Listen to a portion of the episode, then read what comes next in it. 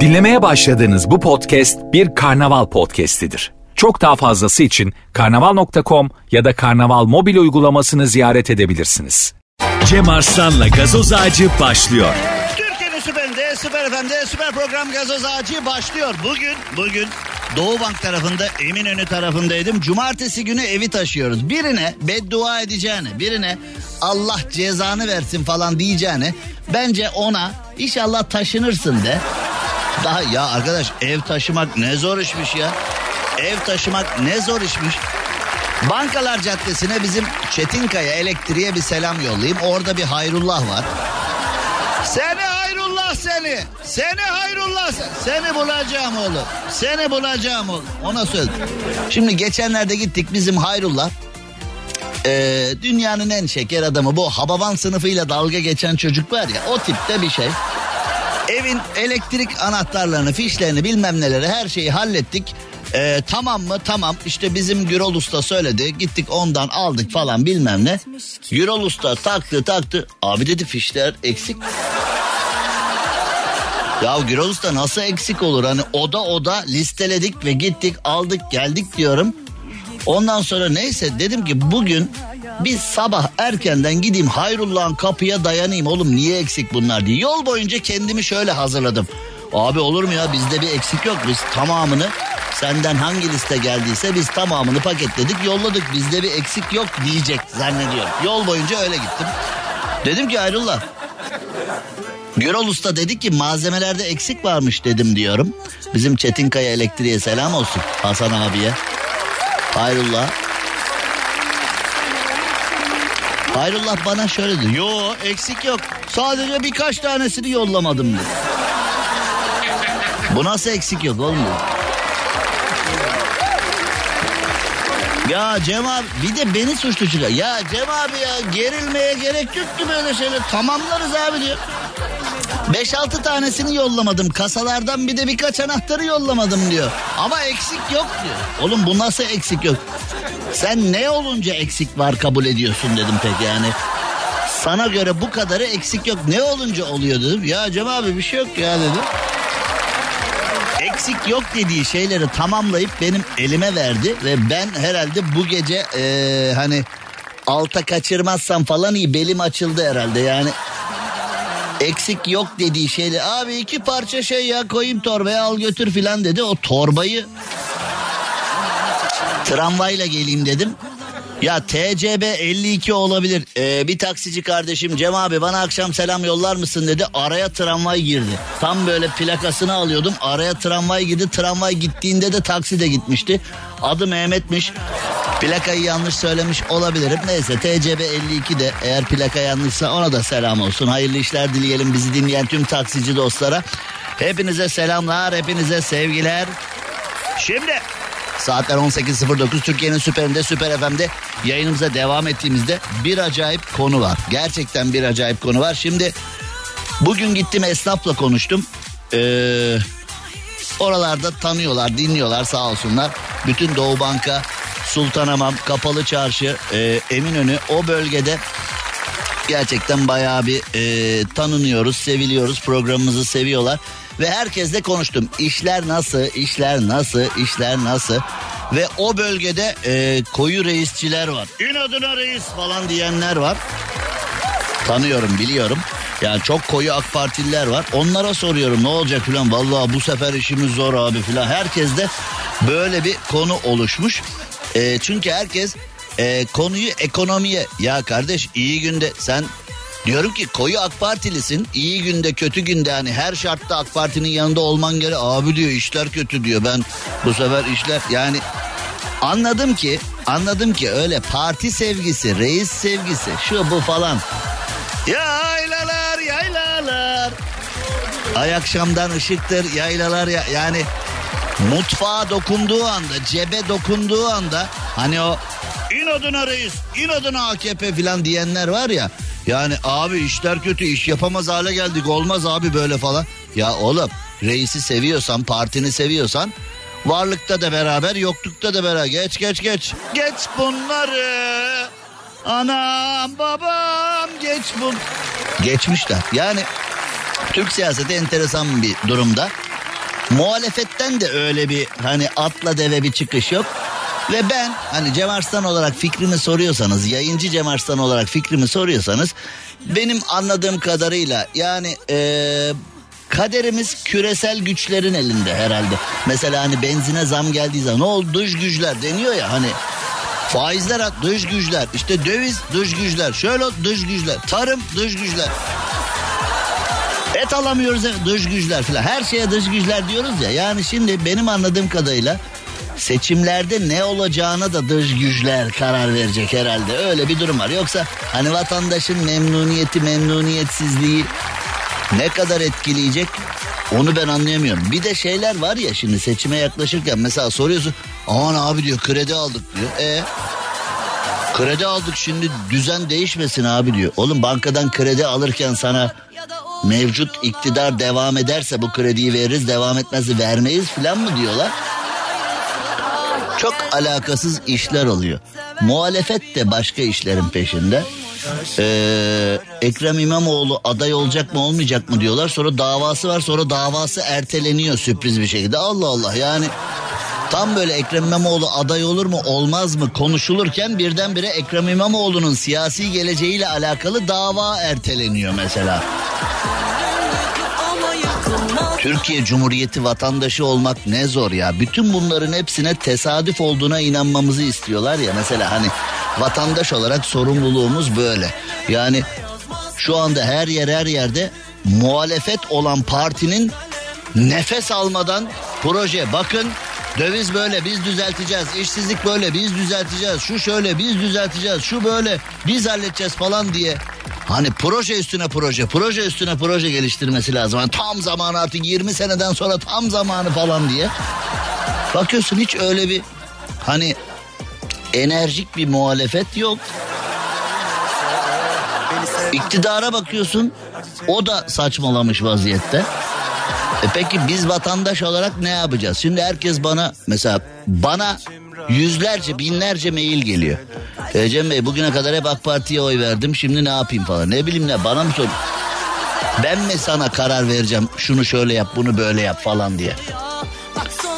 Cem Bey muhalefet diyor filan. E, muhalefet ikide ne bileyim abi kim ne yapacak? Şimdi bir enter şimdi o bebekte falan olaylar oldu ya hani bebekte falan bir porno film çevirdiler sahilde. Vallahi o bebek sahilindeki Şahin K onlara abi der ya. Bak Şahin K'nın yıllarca günahını almışız demek ki yani. Adam hiç olmazsa onu kapalı devre film stüdyosunda falan yaptı yaptıklarını yani.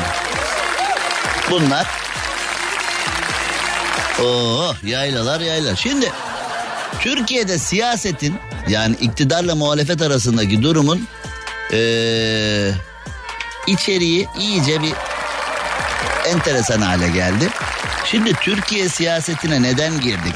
O kadar komik bir durum var ki Cumhurbaşkanı Erdoğan grup toplantısında konuşurken e, Kemal Kılıçdaroğlu'na yüklenmiş. Aa hiç yapmazdı aslında nasıl öyle hiç yapmazdı.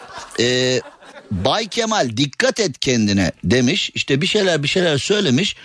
E, zulüm 1453'te başladı dedin. Senin avanen İstanbul'umuzun başta Kadıköy olmak üzere duvarlarına bunları yazdı demiş Cumhurbaşkanı Erdoğan. Salondakiler alkış kıyamet. Salondakiler alkış kıyamet, alkış, alkış, alkış, alkış bu cümleler üzerinde. Sonra ne olmuş? Cumhurbaşkanı Erdoğan demiş ki arkadaşlar ne alkış diyorsunuz? Burada alkışlanacak bir şey yok. Bunun neyini alkışlıyorsunuz? Ağlanacak durumu niye alkışlıyorsunuz? Salona bir fırça. Cumhurbaşkanı Erdoğan salon buz kesmiş. E şimdi adamlar alışkın yani. Cumhurbaşkanı Erdoğan ne söylerse hani duyduğunu anlama, duyduğunu idrak etme. Hani şimdi noterlerde okudum anladım yazdırıyorlar ya onu niye yazdırıyorlar? Bu olaydan sonra ben anladım ben. Hani okudum yetmiyor. Okudum anladım idrak ettim içselleştirdim üzerine düşündüm hak verdim falan gibi artık böyle versiyonlar da olacak. Cumhurbaşkanı Erdoğan e, kendisini alkışlayan AK Parti grup başkanlığı toplantısında kendisini alkışlayanlara bir fırça çakmış. Ne alkışlıyorsunuz arkadaşlar? Ağlanacak durumdayız diye. Ee, şimdi ben de şunu gördüm. Türk siyasetinin durumu böyle. Yani biri konuşuyor, biri de sadece alkışlıyor. Ya bir dakika bu hani nedir ne diyedir? Ama şimdi tabi liyakatsiz insanları toplayınca ortama yani şimdi hani sistemimiz şu. Salona toplanıyoruz. Ben konuşuyorum siz alkışlıyorsunuz. Böyle kurunca sistemi. E tabi şimdi ee, ne konuşulduğuna dikkat etmiyor. Demek ki zamanla alışkanlığa dönmüş bu. Ne konuşulduğuna çok dikkat edilmemiş. Ya arkadaş yani bu tip bir iktidar yapısı. Şimdi mesela muhalefete de bakıyorsun. Hani e, bir uzun süre Fenerbahçe'nin teknik direktörünün de kim olduğunu bilemedik. Muhalefetin Cumhurbaşkanı adayı olduğunu da bilemiyoruz. Yani kim? Mansur Yavaş mı, Ekrem İmamoğlu mu, Kemal Kılıçdaroğlu mu? Rafet sen olur musun? Yani bak şu anda öyle bir durumdayız ki editörümüz Rafet Güre bir telefon gelse baba be müsaitsen bizim bir adayımız sen versene filan diye. Her şimdi bak giderim ne olacak mı? He, bir de ona bak bakalım belki hoşuna gider yani bir de onu. Yani şimdi şöyle bir şey belki de durum öyle yani. Ya arkadaş hiç kimse hiçbir şey bilmiyor memlekette. Bak 13 tane hakem gitti niye gitti sen biliyor musun? Niye geldiler biliyor musun? Yani niye gittiler bilmiyoruz, niye geldiler bilmiyoruz. Arada bir federasyon başkanı kaşla göz arası uzadı gitti, o niye gitti bilmiyoruz. Niye geri geldiler bilmiyoruz. Ne olduğunu hiçbir şey bilmiyoruz memleket. İktidarda ne oluyor, sporda ne oluyor, muhalefette ne oluyor. Ama Tayyip Erdoğan fırçalayınca kendi arkadaşlarını hakikaten Türk siyasetinin özeti işte. Bu olay Türk siyasetinin özeti. Yani iktidar adına da muhalefet adına da. Siyasetin özeti bu. Onun için ee, biraz müzik dinleyip rahatlayalım. O zaman şöyle yapalım. Süper FM Instagram hesabından yayınımıza devam edelim. Süper FM Instagram hesabını açınız. Oradan canlı canlı konuşmaya devam edelim. Süper FM'de bir şarkı dinleyelim. Cem Arslan'la gazoz ağacı devam ediyor.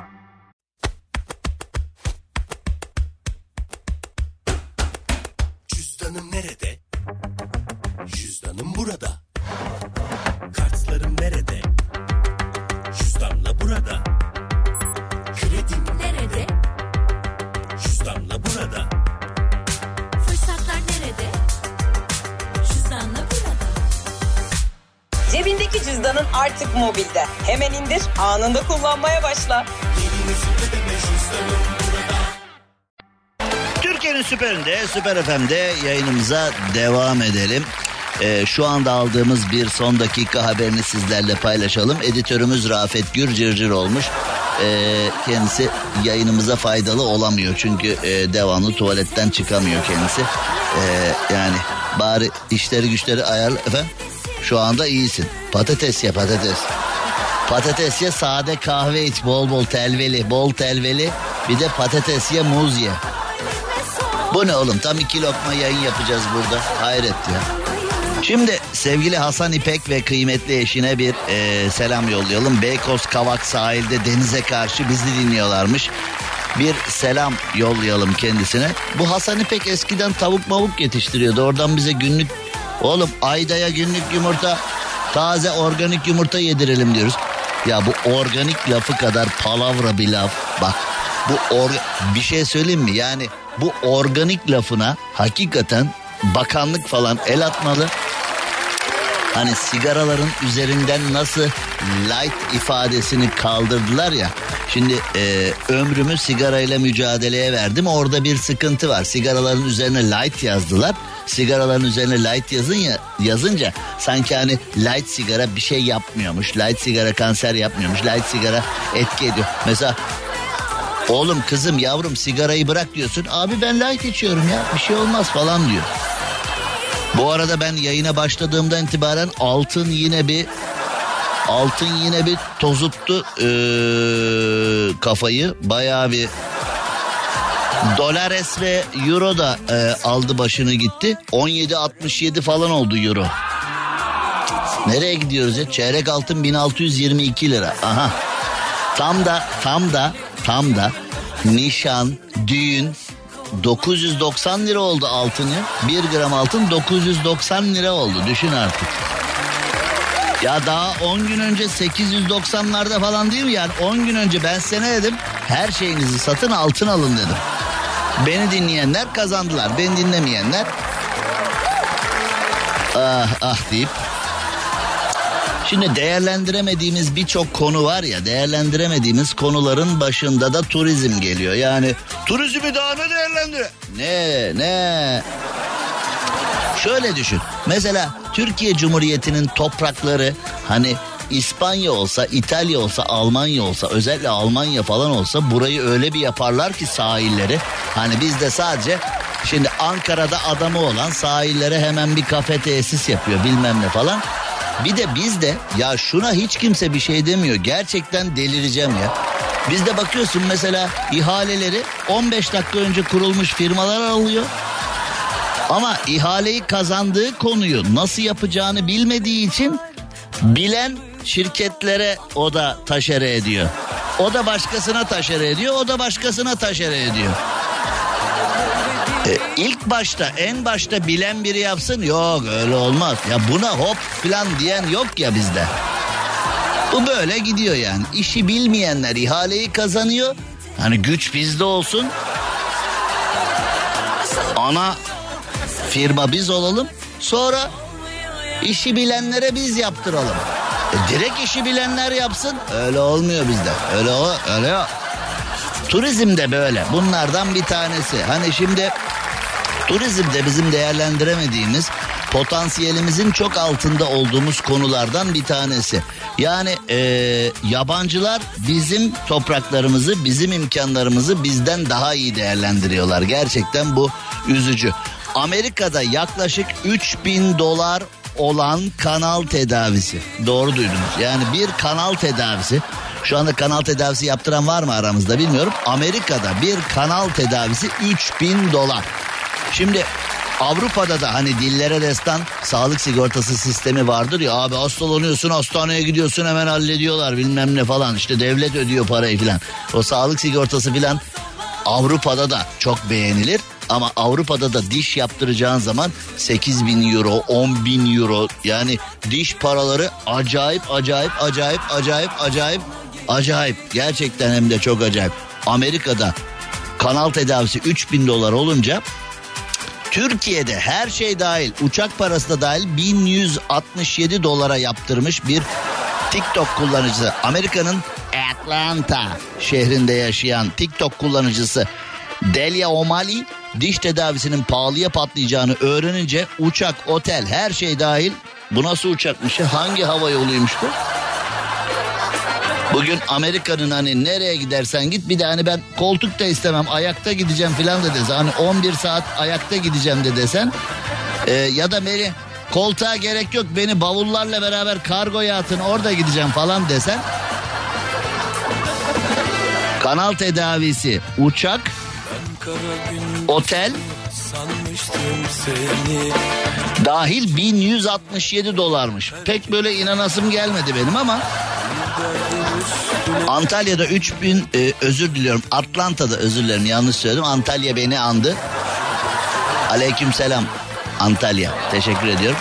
Atlanta'da diş muayenesi 3099 dolar 16 sente mal olacak demişler. Delia O'Malley kafayı kırmış bu ne kardeşim demiş ya böyle bir şey olabilir mi demiş. Türkiye'yi araştırırken Türkiye'de diş tedavisinin çok ucuz olduğunu bulmuş. Antalya'da Antalya'da o kadar harikulade diş klinikleri var ki Antalya'da ve onlar e, sağlık turizmine hizmet ediyorlar. Avrupa'dan da çok fazla gelen var. Avrupa'da hem de öyle estetik dişler yapıyorlar ki yani bazı ağızlar gördüm isim vermeyeceğim hani gerçekten berbat yani berbat berbat berbat. O kadar berbat e, ağız yapıları var ki ama o Antalya'daki diş klinikleri berbat durumda olan kişileri alıyorlar çok uygun rakamlara. Babalar hem tatil yapıyorlar hem dişlerini yaptırıyorlar. Berbat bir şekilde Antalya'ya girip inci gibi dönüyorlar. Bu konuda bu konuda ee, evet kaç paraymış? Amerika'ya gidiş dönüş bilet e, 19 bin lira. 19 bin 167 görüyorum. Öyle değil mi? Atlanta, Atlanta İstanbul 19 bin 2 lira. 48 kuşu. Yani kuruşunu boş ver. Yani eee, neticede biz bu diş konusunda diş turizmi, sağlık turizmi konusunda dünyanın lider ülkesi olabiliriz ama yani şimdi Türk filmlerini çok seviyorum. Hangi kanalda bulsam seyrederim. Yani eee, geçenlerde Kartal Tibet'te Hülya Koçyiğit'in e, Abant Gölü'nde çekilmiş Sarmaşık Güller filmini seyrettim. Yarıdan denk geldim. Yarısından sona kadar seyrettim. O muhabbetler eski günler, eski moda, eski e, tür cümleler falan o kadar hoşuma gidiyor ki. Ama bazı Türk filmleri de var bizde aşağılık kompleksi yarattı. Yani mesela o hani mahallenin kızı mühendise aşıktır Cüneyt Arkın'ı terk eder. Kadir İnanır'ı terk eder filan hani Orhan Gencebay'ı terk eder. Biz de böyle mühendislere gıcık olduk. Zenginlere gıcık olduk. Türk filmleri bizi öyle yetiştirdi. Zenginlere ve eee, sıfat sahibi insanlara gıcık olduk. Orhan abimin aşık olduğu kız bir mühendise gidiyordu az daha. Neyse ki Orhan abim devreye girdi halletti falan diye. Şimdi hep böyle çocukken falan o Türk filmlerinde hep böyle işte e, Ayşecik, Ömercik bilmem ne bunlar hani hep böyle e, çaresiz dertlere düşerler. E, Avrupa'ya giderler orada tamir olup gelirler falan ya hep böyle para toplarlar. İşte Filiz Akın falan da e, yollarda ayı oynatırlar şarkı söylerler filan. İşte o Necdet Tosun Cevat Kurtuluş falan Allah rahmet eylesin. O eski büyüklerimiz bayıla bayıla izlediğimiz büyüklerimizin filmlerinde. Ya filmler çok güzel de Hikayeler hep bizi kötü etkiledi. İşte bak ben kendimden örnek vereyim. Ben FMF hastasıyım bilmeyenler için. Ee, doğuştan bir hastalık ölünce geçecek inşallah. Tedavisi yok ilacı yok. FMF hastasıyım. Sadece bir tane ilacımız var. O da ee, tedavi eden bir ilaç değil. Bizim hastalığımız ileriki boyutlarda böbreği çürütüyor. Böbreği çürütmesin diye bir hastalık var. Bir de atakların aralıklarını açıyor ama iyileştirici bir e, ilaç değil. Sadece önleyici bir ilaç. 1976 yılından beri her gün alıyorum. E, sevgili Semra Çalangu ve e, Itır Bakioğlu. Canım Itır abla. Onlar teşhisi koydular 1976'da Çapa Tıp Fakültesi'nde. Çapa Tıp Fakültesi de o zamanlar yani Abdülkadir Kayısı vardı, Itır Baki oldu, Itır YNA, ee, Semra Çalangu. Gerçekten çok ciddi bir ekip vardı. Onlar o zamanlar daha doçentlerdi falan. Şimdi profesör oldular. Nefis insanlar. FMF hastalığı Familial Mediterranean Fever. Abi ne biçim adamsın? Radyon bile FM filan diyenler oluyor. Ama ne yapayım denk geldi. Yani ailevi Akdeniz ateşi hastasıyım. Ee, ben de hastasıyım deyince çok seviyorum değil. Yani hastasıyım yani. Evet söyleyince çok güzel. Sende ne var? Akdeniz ateşi var falan deyince böyle çok seksi oluyor. Ben de Akdeniz ateşi var falan deyince ama hastalık berbat. Neyse. Almanya'ya gittim yani bu mantıkla. Almanya'da bir doktora gittim. Hep bizi öyle küçükken Ömercik Ayşecik kodladılar yani. Türkiye'de çaresi olmayan işler Avrupa'da hallolur diye. Almanya'da adam hastalığın adını benden öğrendi doktor, profesör. Böyle bir hastalık mı var ya dedi.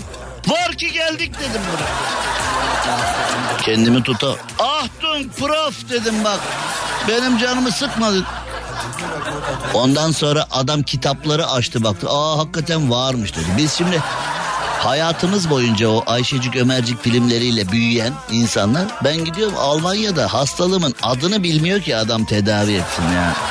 Hastalığın nasıl bir şey oldu öyle bir dünya üzerinde öyle bir hastalık olduğunu benden öğrendi yani.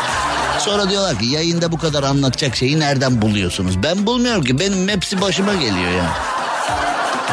Bugün yayına yetişeceğim. Taksim'de indim e, tramvaydan. Ondan sonra benim tankı almaya gidiyorum. Yani e, garaja. Dedim ki tankı hazırlayın. Radyoya gideceğim. Benim arabayı hazırladılar. Tramvaydan indim. Yolda çiçekçi çevirdi. Abi bu pantolondan nereden buluruz diyor. Bana diyor. Ne bileyim oğlum nereden bulursun? Kaç para bu pantolonlar diyor. Ya bu arada beni tanımadı ya. Benim Cem olduğumu falan bilmiyor. Sadece yolda beni çevirdi Taksim'deki çiçekçi. Bu pantolonlardan nereden bulacağız ha? Bana lazım bundan. E dedim çıkarayım vereyim ben de onunla giderim radyoya ne yapayım ya hani şimdi. Ya arkadaş bir insanı yolda çevirip şu pantolon lazım bana denir mi ya? ya bu nedir ya? Yani hani soyu bak soyulsan bile bunun bir mantığı var. Biri gelip soymak istese ver saati ver cüzdanı filan dese diyeceksin ki adam gapsçı. Gaps yapıyor filan. Pantolonu istiyor adam ya. ne yapayım oğlum ben pantolonu? Bana göz dikmiş. Yani olacak iş değil ya. Yani pantolonu çok sevdim çıkar onu bebeğim falan öyle bir şarkı mı var? Ne yıllar önce de de kafada Yıldo vardı Yıldo Yıldo'yu hatırlar mısın? Bir gün Yıldo'ya öyle bir şey olmuştu sonrasında vardı. Yıldo'dan yayın yaparken giydiği pantolonu imzalı olarak istemişti birisi. De koca biliyor mu aradığını? De kafadan koptum ya. Ne yap? Ne? Ne? Ne? Yılda kadar hiçbir şey bilmeyip yayın yapan biri de olmaz herhalde. Çünkü hiçbir şey bilmediğini nereden Kim ne sorsa ne diyordu böyle. Yıldo ne haberdi? Ne? Ne? Ne? Ne? Selam olsun Yıldo'ya. O da yani Türk show tarihi beğenirsin beğenmezsin tarzını seversin sevmezsin ama Türk show tarihinde o da iz bırakan hatırlanan isimlerden bir tanesi oldu. Şimdi nereden nereye geldik İşte bu değerlendiremediğimiz Ayşecik Ömercik bilmem ne Yeşilçam'a bir selam olsun yıllarca bizi böyle e, Türkiye'de sağlık hizmetleri halledilemez yurt dışında halledilir diye kodladılar. Oysa ki yolundan bir dakika ayrılmadığımız Ulu Önder Mustafa Kemal Atatürk ne dedi? Beni Türk hekimlerine emanet ediniz dedi. Yani Atatürk'ün yolundan ayrıldığımız an tak tak sıkıntı. Atatürk beni Türk hekimlerine emanet ediniz derken neyi anlatıyordu? Sağlık turizmi bizde olur. Çünkü İbn Sina'lar o Osmanlı tarihini oku. Ne kitaplar ne kitaplar ne kitaplar. Tıp tarihinde biz öyle geri kalacak bir ülke değiliz ki ya. Şimdi bak anlattım ya ben ailevi Akdeniz ateşi hastasıyım. Benim kullandığım ilaç çiğdem çiçeğinin zehiri. Yani çiğdem çiçeği diye bir çiçek var. Onun zehirinden benim e, ilacım yapılıyor. Çiğdem çiçeği endemik bir tür. Nerede yetişiyor? Kars'ta. Kars bölgemizin dağlarında yetişiyor. Bunu bilmeyen kim? Biz. Kars bölgemizin dağlarından o çiğdem çiçeği toplanıyor. Yurt dışına gidiyor, ham madde yapılıyor, ilaç olarak basılıyor, sonra tekrar bize geliyor. Sonra da biz Ayşecik hastalanınca yurt dışına yolluyoruz onu. Git yavrum tedavi ol gel biz sokaklarda çalgı çengi yaparız seni kurtarırız diyor. Yaylalar yaylalar. Sokaklarda gezeceğimize dağlarda gezsek kız tedavi oldu. Cem Arslan'la gazoz ağacı devam ediyor. Türkiye'nin süperinde, süper FM'de yayınımıza devam edelim. Bahsedeceğimiz daha bir sürü şeyler var. Şimdi bazı şeyler hiç değişmez mevzusu var ya. insan yedisinde neyse yetmişinde odur diye. Şimdi bir hikaye at- anlatacağım ama ben anlatmayacağım aslında. Ne olacak? Ee, ee, ne yani? Ben anlatmayacağım. Siz anlayacaksınız. Daha doğrusu ben anlatmayacağım derken anlatacağım elbette de hikayeyi size zaman zaman yaptığım gibi demonte olarak vereceğim. Çünkü hikayeyi direkt vermem. Hikaye de direkt verilen yani okuyucusuna direkt verilen bir sürü şey var ama ben onları burada veremem. Ee, ben size demonte olarak vereceğim. Siz şu anda beni her nerede dinliyorsanız orada birleştireceksiniz ama hikayeyi birleştirdikten sonra elinizde ne var derseniz mutlu olur musunuz olmaz mısınız ona da bakacağız. Şimdi İngiltere'ye doğru gidiyoruz. İngiltere'yi ortadan ikiye bölen ve Roma İmparatorluğu döneminden kalma en popüler eserler arasında yer alan Hadrian Duvarı var. Hadrian Duvarı. Tarihe meraklı olanlar bilebilirler. Hadrian veya Hadrian diyoruz biz. Bazı hani my accent is excellent diyen hani İngilizcesi çok iyi olanlar. Hadrian diyor bak şuna bak. Şuna. Ha, ne Hadrian'ı be? Hadrian o da olur. Yani neyse. Hani bu Rocky Balboa gibi Adrian, Adrian. Kazandıktan sonra bağırıyordu ya Adrian. Öyle bir şey. Bu onun H'lisi. Hadrian duvarında ilginç bir keşif yapılmış. Bölgedeki kazı çalışmalarına gönüllü olarak katılan Dylan Herbert çalışmalar sırasında 40 santim genişliğinde 15 santim yüksekliğinde bu ne olabilir? Şimdi 40 santim genişliğinde 15 santim yüksekliğinde bu neyi ifade edebilir bir bakacağız. Bu kayanın bir yüzü oldukça sıradan gözükürken arka kısmında önemli bir detay varmış. Şimdi ee, zurnanın zırt dediği yere geliyoruz. Evet.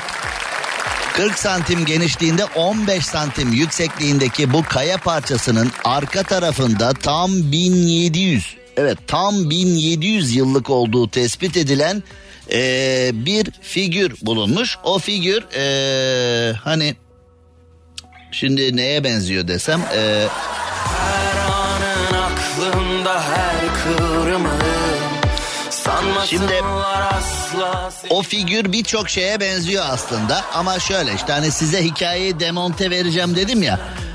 Benim burada söyleyemeyeceğim bir şeye benziyor. Aslında ee, bazı insanların üzerinde bulunuyor. Özellikle erkeklerin üzerinde bulunuyor bu. Benim burada yani ipuçları veriyorum o şeyin ne olabileceğine dair. Ee, onu anlarsınız belki. Bazı insanlarda var. Özellikle erkeklerde. Şimdi özellikle erkeklerde diyorum çünkü günümüzde artık hayat iyice değişti. Tercihler iyice değişti. Kimde ne olduğu belli değil. Şimdi bu 40 santim genişliğinde ve 15 santim yüksekliğinde olan kaya parçasının üzerindeki 1700 yıllık şu anda söyleyemediğim figür bazı yazıları da içeriyormuş. O yazıların içinde ee, evet, evet.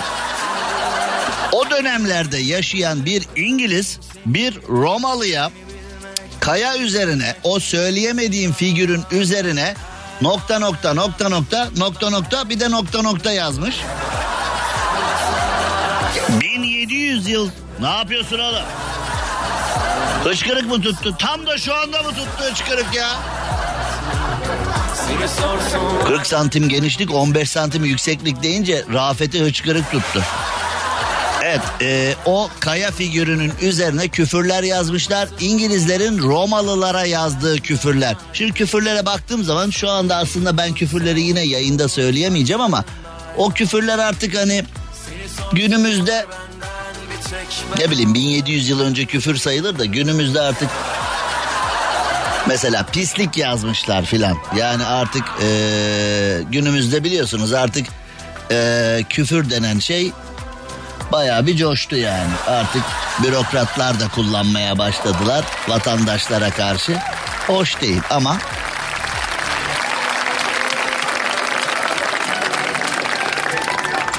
Kayayı oyan kişi ee, yıllardır kayayı oya kayayı oyan kişi yıllarca yıllarca e, tarihi bir sembol yaptı zannediliyormuş. 1700 yıl sonra bir tarihçi bunun sadece bir küfür olduğunu ve o figürün e, doğurganlığı eski kültürleri kolonileri falan değil sadece birebir küfürü anlattığı tespit edilmiş.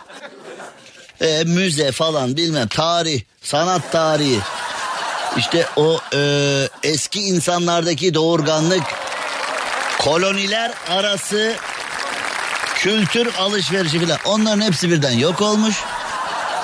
Neticede son derece net bir şekilde ortaya çıkmış ki İngilizler Roma İmparatorluğu'na ağır küfürler ve ağır figürler.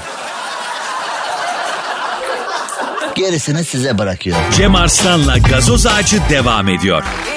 Türkiye'nin süperinde, süper FM'de, süper program Gazoz Ağacı devam ediyor ve Yozgat'a doğru gidiyoruz. Yozgat Saat Kulesi ile Çamlığı ile güzel bir yerdir. Benim de orada bulunmuşluğum var. Yozgat ilimize selam olsun. Yozgat'tan bizi dinleyenlere veyahut da Dünyanın herhangi bir yerinden dinleyen Yozgatlılara selam olsun. Yozgat'ta işletmecilik yapan bir kişi müşterilerini Joe isimli bir iguana ile karşılıyormuş. Joe. Müşteriler yoğun ilgi. Eskiden Yakala Joe vardı. Yani ben 52 yaşındayım. Bizim jenerasyon insanlar hatırlarlar. Yakala Joe diye bir dizi vardı. Orada bir polis köpeği vardı K9 kurt köpeği. Ee, Alman kurduydu yanlış hatırlamıyorsam. Yakala Joe falan derlerdi. Ve o günlük hayata da çok sirayet etmişti. Bir şey olduğu zaman yakala Joe falan deyip hemen anlatımlar öyleydi. Hayvanın 1 metre 15 santim olduğu söylenirken kafe sahibi müşteriler çok seviyor. Ürken de oluyor. Müşterilerimizi iguana ile karşılıyoruz. Siparişleri birlikte alıyoruz. Götürmek isteyen de oluyor. Bak buraya kadar iyiydi de götürmek isteyen ya hiçbir şeyi tadında bırakmıyoruz değil mi? Yani bir kafeye gittin. Tamam iguana ile rastlaştın. Sipariş iguana ile alındı. Ee, kafe sahibi üzerinde iguana ile senin masana geldi. Belki dokunmana müsaade etti. Belki sevdin falan. Belki hayatında ilk defa bir sürüngenle rastlaştın. Korkuyla karışık bir ilgiyle ona şefkat gösterdin falan. Ya bunların hepsi okey. Yediğin yemekten bir parça verdin. O da seni kırmadı. Parmağınla beraber yedi falan. Hani bunların hepsi okeydi. Giderken götüreceğim ne demek ya? Yani kafe sahibi... İyi günler. Ben bu iguanayı götürmek istiyorum. Ver bakayım. Pazarlık sünnettir. Ne istiyorsun bu iguanaya falan? Yani bu ne ya? Ha? Tadında bırak oğlum ya. 26 yaşındaki Can Öcal işlettiği kafeye 3,5 yıl önce iguana alma kararı vermiş. Joe ismi verilmiş ve e, müşterilerimiz çok seviyor demiş. İlginç bir şeymiş. Yani buradan şimdi dükkanda hayvan olması iş yapıyor duygusuyla.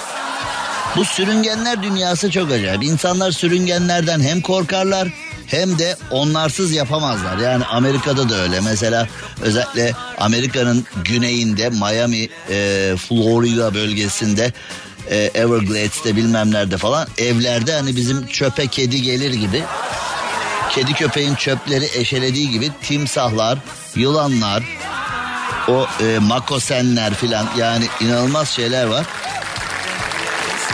İnsanlar sürüngenleri hem seviyorlar hem onlardan korkuyorlar. Şimdi e, madem çok seviliyor biz de dükkana hayvan alalım diyenler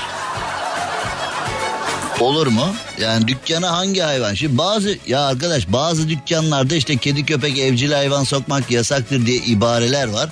Bazı dükkanlarda da gördüğümüz gibi hayvanlar insanların çok ilgisini çekiyor. Yani ortamız yok. Ortamız gerçekten yok.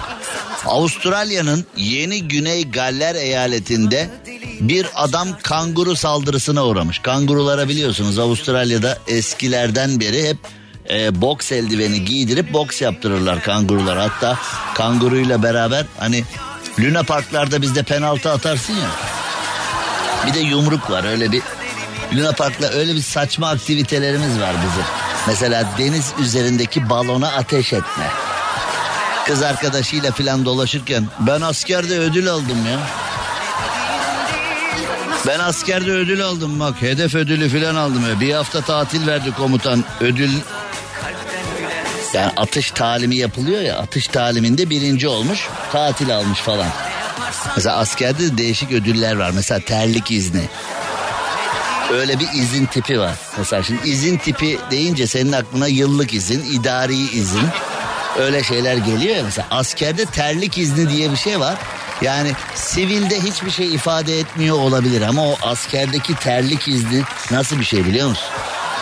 Yani böyle kaşıkçı elması değerinde bir şey. Sen hiç aldın mı terlik izni? O terlik iznini alan bilir. Çünkü 40 derecede asker botuyla ayağın ayak olmaktan çıkıp başka bir madene dönüşüyor ya botun içinde. Revire çıkıyorsun ve revir sana 10 gün terlik izni diyor. O terlik izni o terlik iznini alan bilir alan. Çok kıymetli. Gerçek bir araştırın bak sağa sola sorun. Etrafınızda askerliği yapmış birileri varsa bir sorun o terlik iznini. Neyse. Yani şimdi ee, Avustralya'da bahçeye kanguru girmiş. Kangurularla boks yapmış evin sahibi. Dayağı da yemiş. Yani gece köpekler havladı. Hani bir abi vardı kurbağa bırak dedi. Kurbağa bırak bırak dedi. Ben de oradan dereden geçiyordum. Dereye düştüm filan. Hani bir kafa güzel bir abi dereden kurtardılar ya itfaiyeler, akutlar bilmem neler. Abiyi çıkarttılar ne oldu filan dediler. Abi kendince anlattı ya. Bu da köpekler havladı. Dışarı çıktım bir baktım. Bahçede kangurular demiş. E Sonra kangurulardan kaçarken yere düştüm. Kangurular da beni yumrukladı demiş. Şöyle diyeyim, iyi sadece yumruklamışlar. Yani hani Cem Yılmaz'ın Kızılderililere yakalandığı an vardı ya. Orada bazı temennileri vardı hani yapmasalar bari etmeseler bari falan diye. Kangu Oğlum kanguruyu neyine güvenip kovalıyorsunuz? Bırak bahçede köpekler var. Köpekler havlasın giderse gider gitmezse gitmez nedir yani? Ha? Hayretti. Vallahi hayret. Yani Şimdi bak Amerika dedik, Florida dedik, timsahlar dedik ya. 56 yaşındaki Mario Laza kaldırıldığı hastanede hayatını kaybetmiş. Amerika'da Florida eyaletinde gölete düşen iki kişiyi kurtarmak için harekete geçen dalgıçlara keskin nişancılar eşlik etmiş.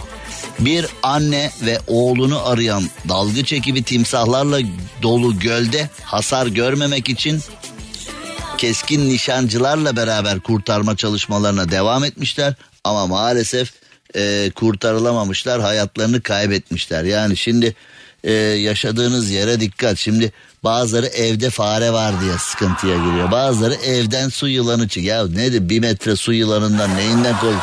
Yani şimdi bazıları evde hani kedi köpek var bilmem ne falan diye şikayet ediyor. Düşün evin önünde göl var ama gölün içi timsahlarla dolu. Sen de diyorsun ki orman ne güzel ne güzel. Kestane, gürgen, palamut, altı yaprak üstü bulut. Gel sen burada derdi unut. Orman ne güzel. Sus. Ne? Orada bir sus var. O sus yüzünden yediğim fırça. Müzik öğretmeni. Hayatta ise bilmiyorum Kamil Oruç vardı bizim 50. yıl Küçük Yıl Lisesi'nde sonradan Kadir Has Lisesi oldu. Kamil Oruç'tan yediğim bir de soyadını unuttum Erol Hoca vardı müzik hocası. O sus yüzünden. Ya sus, sus ben nasıl susayım ya ben ben ben nasıl susayım ya. Yani o zamanlarda da belki radyocu değildim ama yine böyleydim karakter olarak. Hoca diyor ki bana orada sus var niye susmadın bana diyor.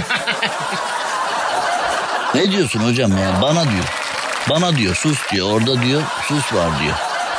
Ne kestanesi ne gürgeni ne palamutu beni üçü bir araya gelse susturamaz hocam ben diyorum. Ama tabii sonra ee, sustuk tabii. Yani. Neticede çünkü mesela sınıfta kaldım. Hangi ders sınıfta kaldım deyince benim zamanımda hani matematik, fizik, kimyadan kaldım deyince eyvah ama müzikten kaldım deyince bir de müzikten kaldın bütünlemeye gittin. Yazın bütünleme imtihanları oluyordu ya. Hani ne yapacaksın ne ne yani bize şöyle güzel bir şey söyle bakalım. Bir ilkbahar sabahı güneşle uyandın hiç? Çılgın gibi. Çılgın gibi reklamlar var. O zaman bir de şimdiki şarkılara bakalım. O mami soyami. Cem Arslan'la gazoz ağacı devam ediyor. Sevgili dostum Buray korksun dünya bu aşktan diyor da korkulmayacak gibi değil ya. Dört nala sevişelim ne demek ki? Şarkı coşmuş dört nala sevişelim diyor.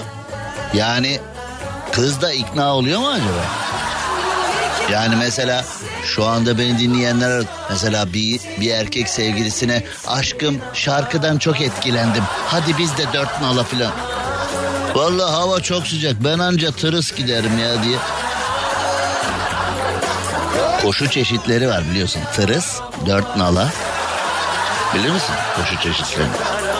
Tırıs böyle hani tık tık tık tık tık tık hani şöyle dört nala bildiğin dört nala. Ama yani dört nala koşmayı biliyordum da bu şarkı burayın alaz alaz. Şimdi burada alaz alaz yanalım diyor ya bu şarkı. Alaz alaz ne demek biliyor muyuz? Yavaş yavaş mı? Oğlum bilmiyorsan insan gibi bilmiyorum de. Bırak bir bilen söylese. Bilmiyorsa insan gibi bilmiyorum. Alaz alaz alev alev demek. Alev alev alev.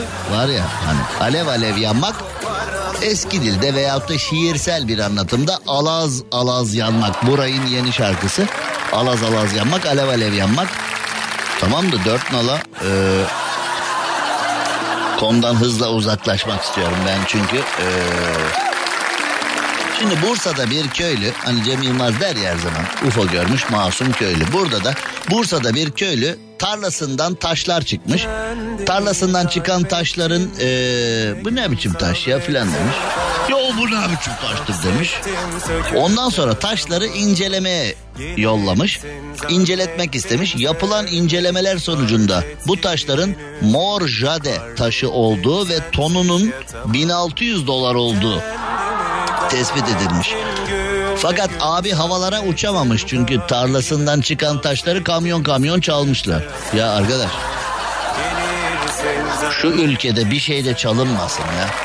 Yani şu ülke hırsızlardan çektiğini, şu ülke hani mal çaldırmaktan çektiğini hiçbir şeyden çekmedi ya. Yani hemen anında çalınıyor ya.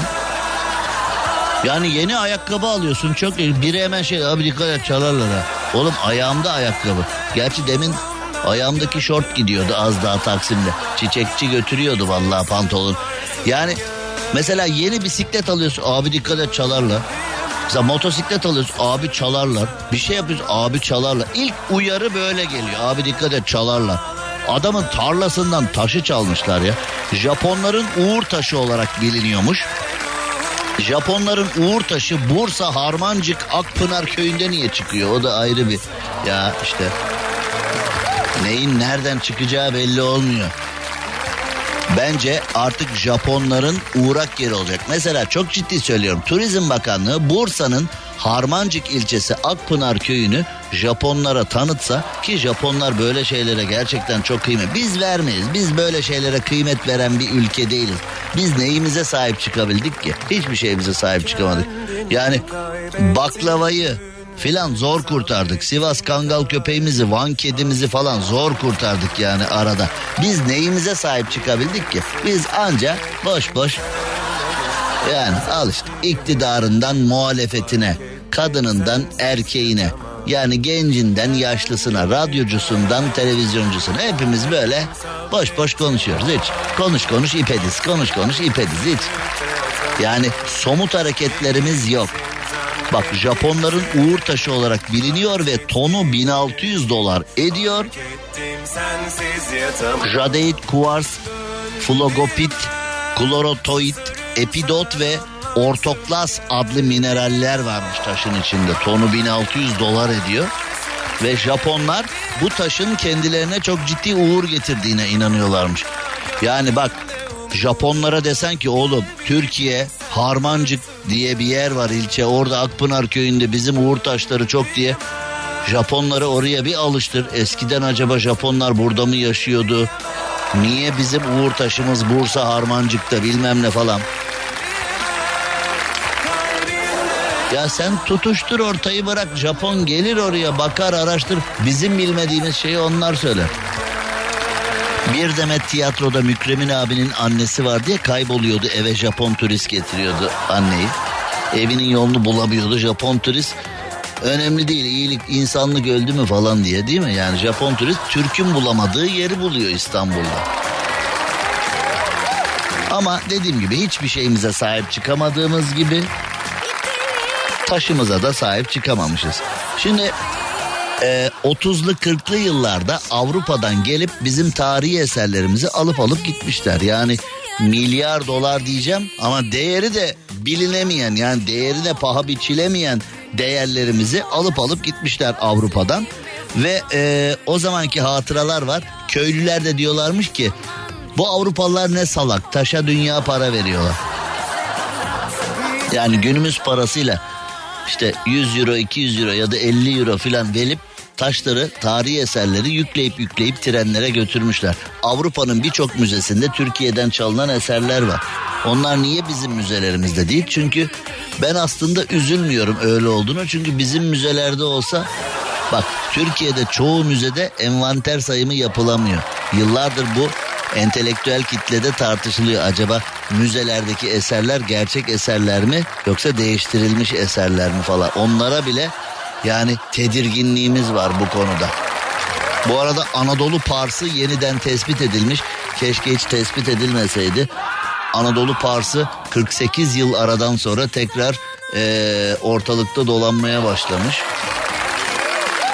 İnşallah biri çıkıp vurmaz hayvanı. Ee, keşke 48 yıldır iyi kurtarmış ama buraya kadarmış bro be. Şimdi bir tane bir tane tip çıkar bunu vurur vurdum diye de bir tane avcı çıkar bunu vurdum diye de böyle ortalıkta artist artist gezer yani ben vurdum bilmem ne falan diye. Yani bu avcılıktan hiç hoşlanmıyorum. Çünkü günümüzde gelinen noktada memlekette keklik kalmadı, sülün kalmadı. Ee, yani birçok hayvan vardı Türkiye'de hayatına devam eden bu saçma sapan avcılıktan dolayı hiçbir hayvanımız kalmadı. Doğru dürüst hayvan kalmadı. Özellikle keklikler, sülünler çok önemli. Her zaman söylemişimdir sizlere devamlı dinleyenler bilirler. Ee, bir tane Kırım Kongo kanamalı ateşi diye bir hastalık vardı. O kenelerden bulaşıyor. Keneler niye bize böyle bir hastalık bulaştırdılar? Çünkü kenelerin bir numaralı düşmanı keklikler, sülünlerdir. E yok ki keklik, sülün var mı şu anda kaldı mı? Yok hayvanat bahçesinde bile yok yani. Şile yolu üzerinde böyle keklik çiftliği, sülün çiftliği falan öyle yerler vardı. Artık oralarda bile yok. Yani çiftliklerde bile yok yani. İnanılır gibi değil yani. Evet yani aynen öyle. Hubara kuşu diye bir şey gösteriyor editörümüz Rafet Gür. Ee, stüdyoda olduğu ender anlardan biri cırcır olmuş çünkü. Yani stüdyoda bulunamıyor. İyi misin? Patates yedin mi? Muz yedin mi? Ha? Yedin. İyi. Amerika'da bir kişi kozmetik mağazasına arabayla girmiş.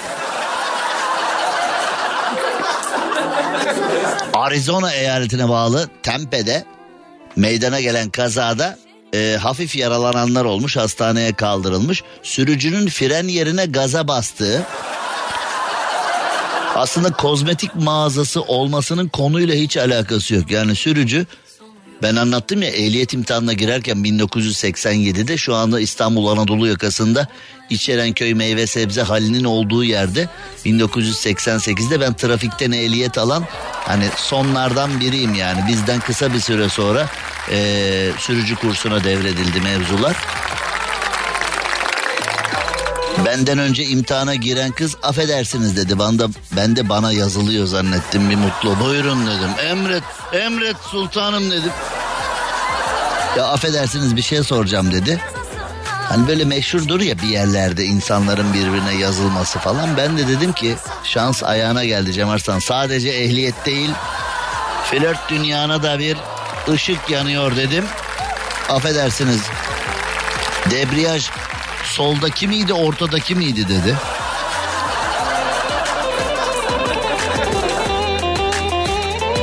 O şey, bu soruyu sorup imtihana girdi. Neyse ki o zamanın trafiğe yani o zamanın imtihanlarında trafiğe çıktığın zaman sağ tarafta da pedallar vardı. Şimdi arabayı kullanıyorsun. Sürücünün ayağının altında debriyaj, fren, gaz pedalları var ya. Aynı pedallardan sana not veren polis memurunun ayağının altında da vardı aynılarından. Hani bir sıkıntı olursa orada müdahale edilsin diye. Öyle bir şeyler vardı. Zaten giderken direksiyonda kız vardı. Polis yanındaydı. Dönerken polis direksiyondaydı. Kız ağlıyordu sağda öyle geldiler. Kız arabadan inip ağlayarak gitti biz bir daha göremedik yani. Ben de imtihana girdim aldım ehliyeti. Fakat o zamanlar zordu imtihan. Gerçekten zordu. Ehliyet imtihanı kolay değildi yani.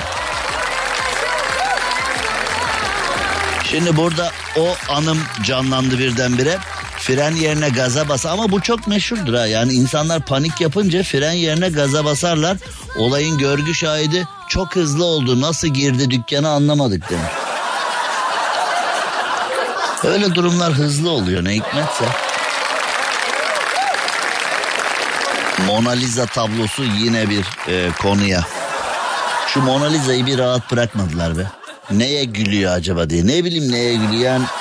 Bence Mona Lisa yaşıyor olsa halimize gülerdi yani. Bir tablo. Mona Lisa tablosu ne zaman yapılmış biliyor musun? Gel abi. Şimdi Mona Lisa tablosu ee, gerçekse yani. Onun da şimdi Mona Lisa tablosuyla alakalı da birçok dedikodu var biliyorsun. Gerçek değil şu bu falan. Louvre Müzesi'nde olan eserin gerçek olduğu düşünülüyor ama mesela ben desem ki gerçeği bizim evde inanır mısın? Ben de inanmam ona yani. Cem Arslan'la gazoz ağacı devam ediyor. Sevgi dost Zinet Salih'e bir selam yollayalım. Canım Zinet e, sevgiler saygılar diyelim ve Türkiye'nin süperinde Süper FM'de yayınımıza devam edelim. Dünyaca ünlü Mona Lisa tablosu Louvre Müzesi'nde tarihe geçecek bir olayın öznesi olmuş. Şimdi senelerdir Mona Lisa kime gülüyor, neye gülüyor filan diye hani bir baktığımızda bana gülüyor da olabilir. Yani ben desem ki bana gülüyor. Siz görmüyorsunuz ama onun kulağında bir gizli kulaklık var bizi dinliyor diye. Yani hep bu araştırıldı. Leonardo da Vinci'nin kendisi dendi.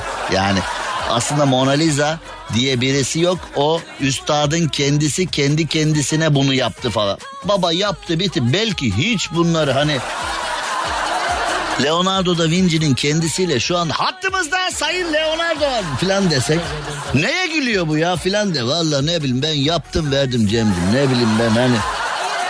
Konunun buralara geleceğini ben de hesap etmedim. Biz yaptık bitirdik küratöre teslim ettik.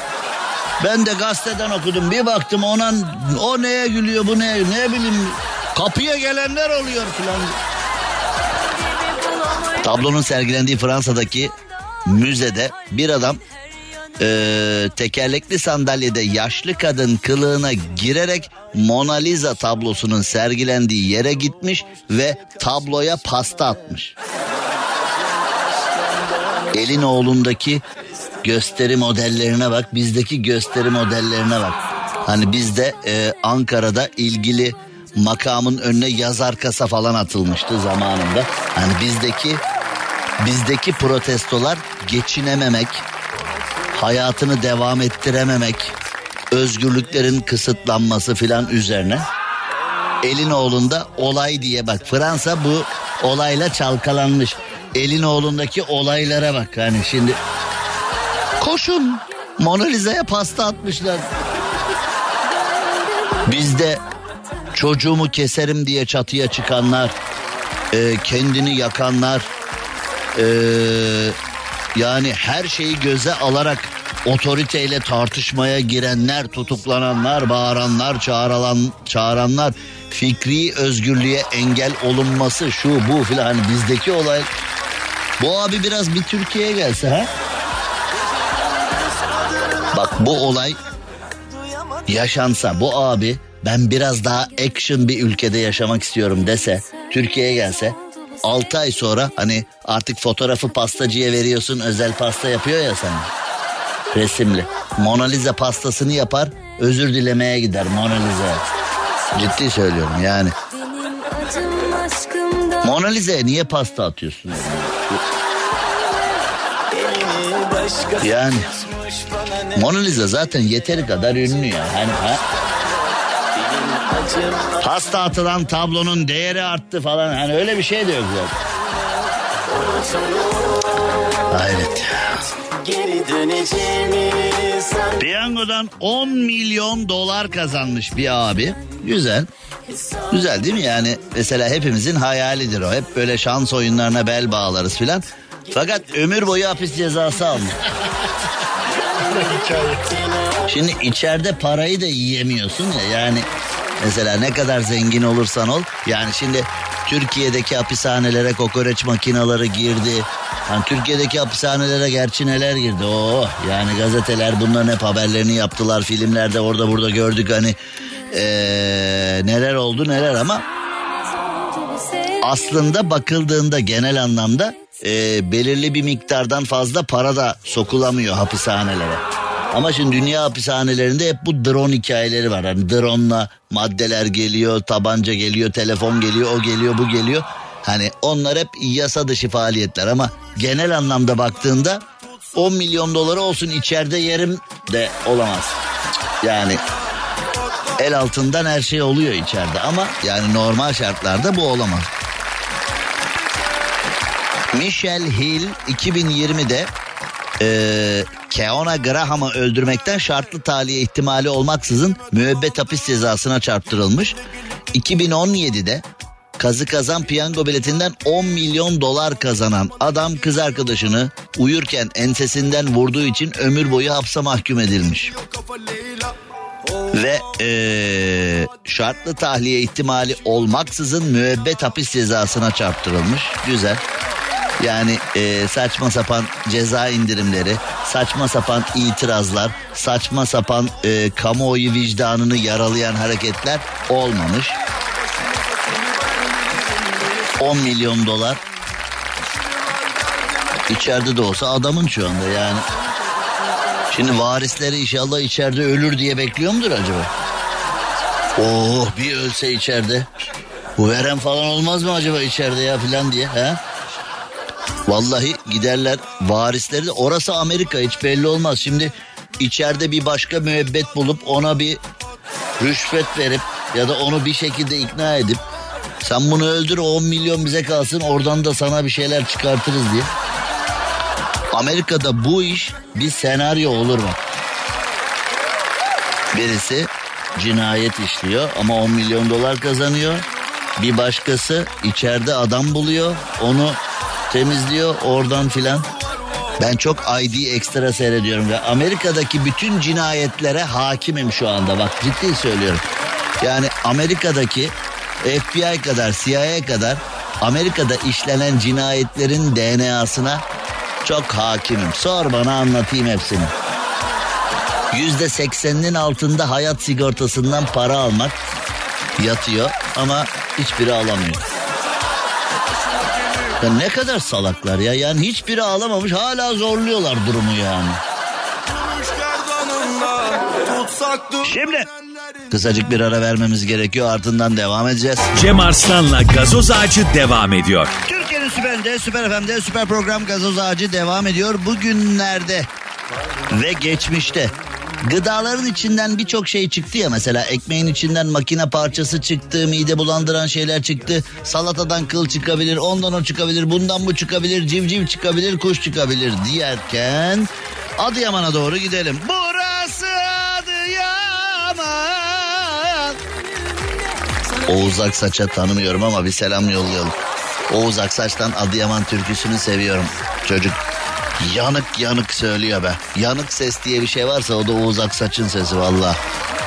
Şimdi bir yumurtanın içinden ne çıkabilir? Bir tavuk yumurtasının içinden ne çıkabilir? Yani bir tavuk yumurtasından ne çıkarsa şaşırırsın noktasında Adıyaman'da bir tavuk yumurtasının içinden ikinci bir tavuk yumurtası çıktı. Yani çift sarılı dedikleri bu olamaz herhalde. Bizim böyle bir e, mutluluğumuz var ya mesela satılırken çift sarılı abi falan diye. Seviyoruz çift sarılı yumurtaları. Değil mi? Onun fiyatı da farklı. Adıyaman Merkez Hoca Ömer Mahallesi'nde evlerinin bahçesinde bulunan kümesten yumurtaları toplayan Coşkun ailesi gördükleri yumurtalar karşısında şaşkına döndüler. Bir yumurtanın diğer yumurtadan farklı ve büyük olduğunu fark ettiler. Kaz yumurtası büyüklüğünde olan yumurtayı kırdıklarında içinde bir yumurta daha. Valla burada tavuğu da tebrik etmek lazım. Yani tavuk yumurtlamamış sanat yapmış be. Ha? Yani yumurtanın adını matruşka mı koymak lazım acaba? Yani yakında ee, Vallahi yani. Kümesten yumurtayı aldığımda bir gariplik olduğunu anladım. Çünkü kaz yumurtası büyüklüğündeydi. Kırdım içinden ikinci bir yumurta çıktı demiş. Dünya değişiyor. Her şey değişiyor. Yarın 18'de görüşünceye dek hoşça kalın sevgili dostlar, güzel insanlar. Cem Arslan'la gazoz ağacı sona erdi. Dinlemiş olduğunuz bu podcast bir karnaval podcastidir. Çok daha fazlası için karnaval.com ya da karnaval mobil uygulamasını ziyaret edebilirsiniz.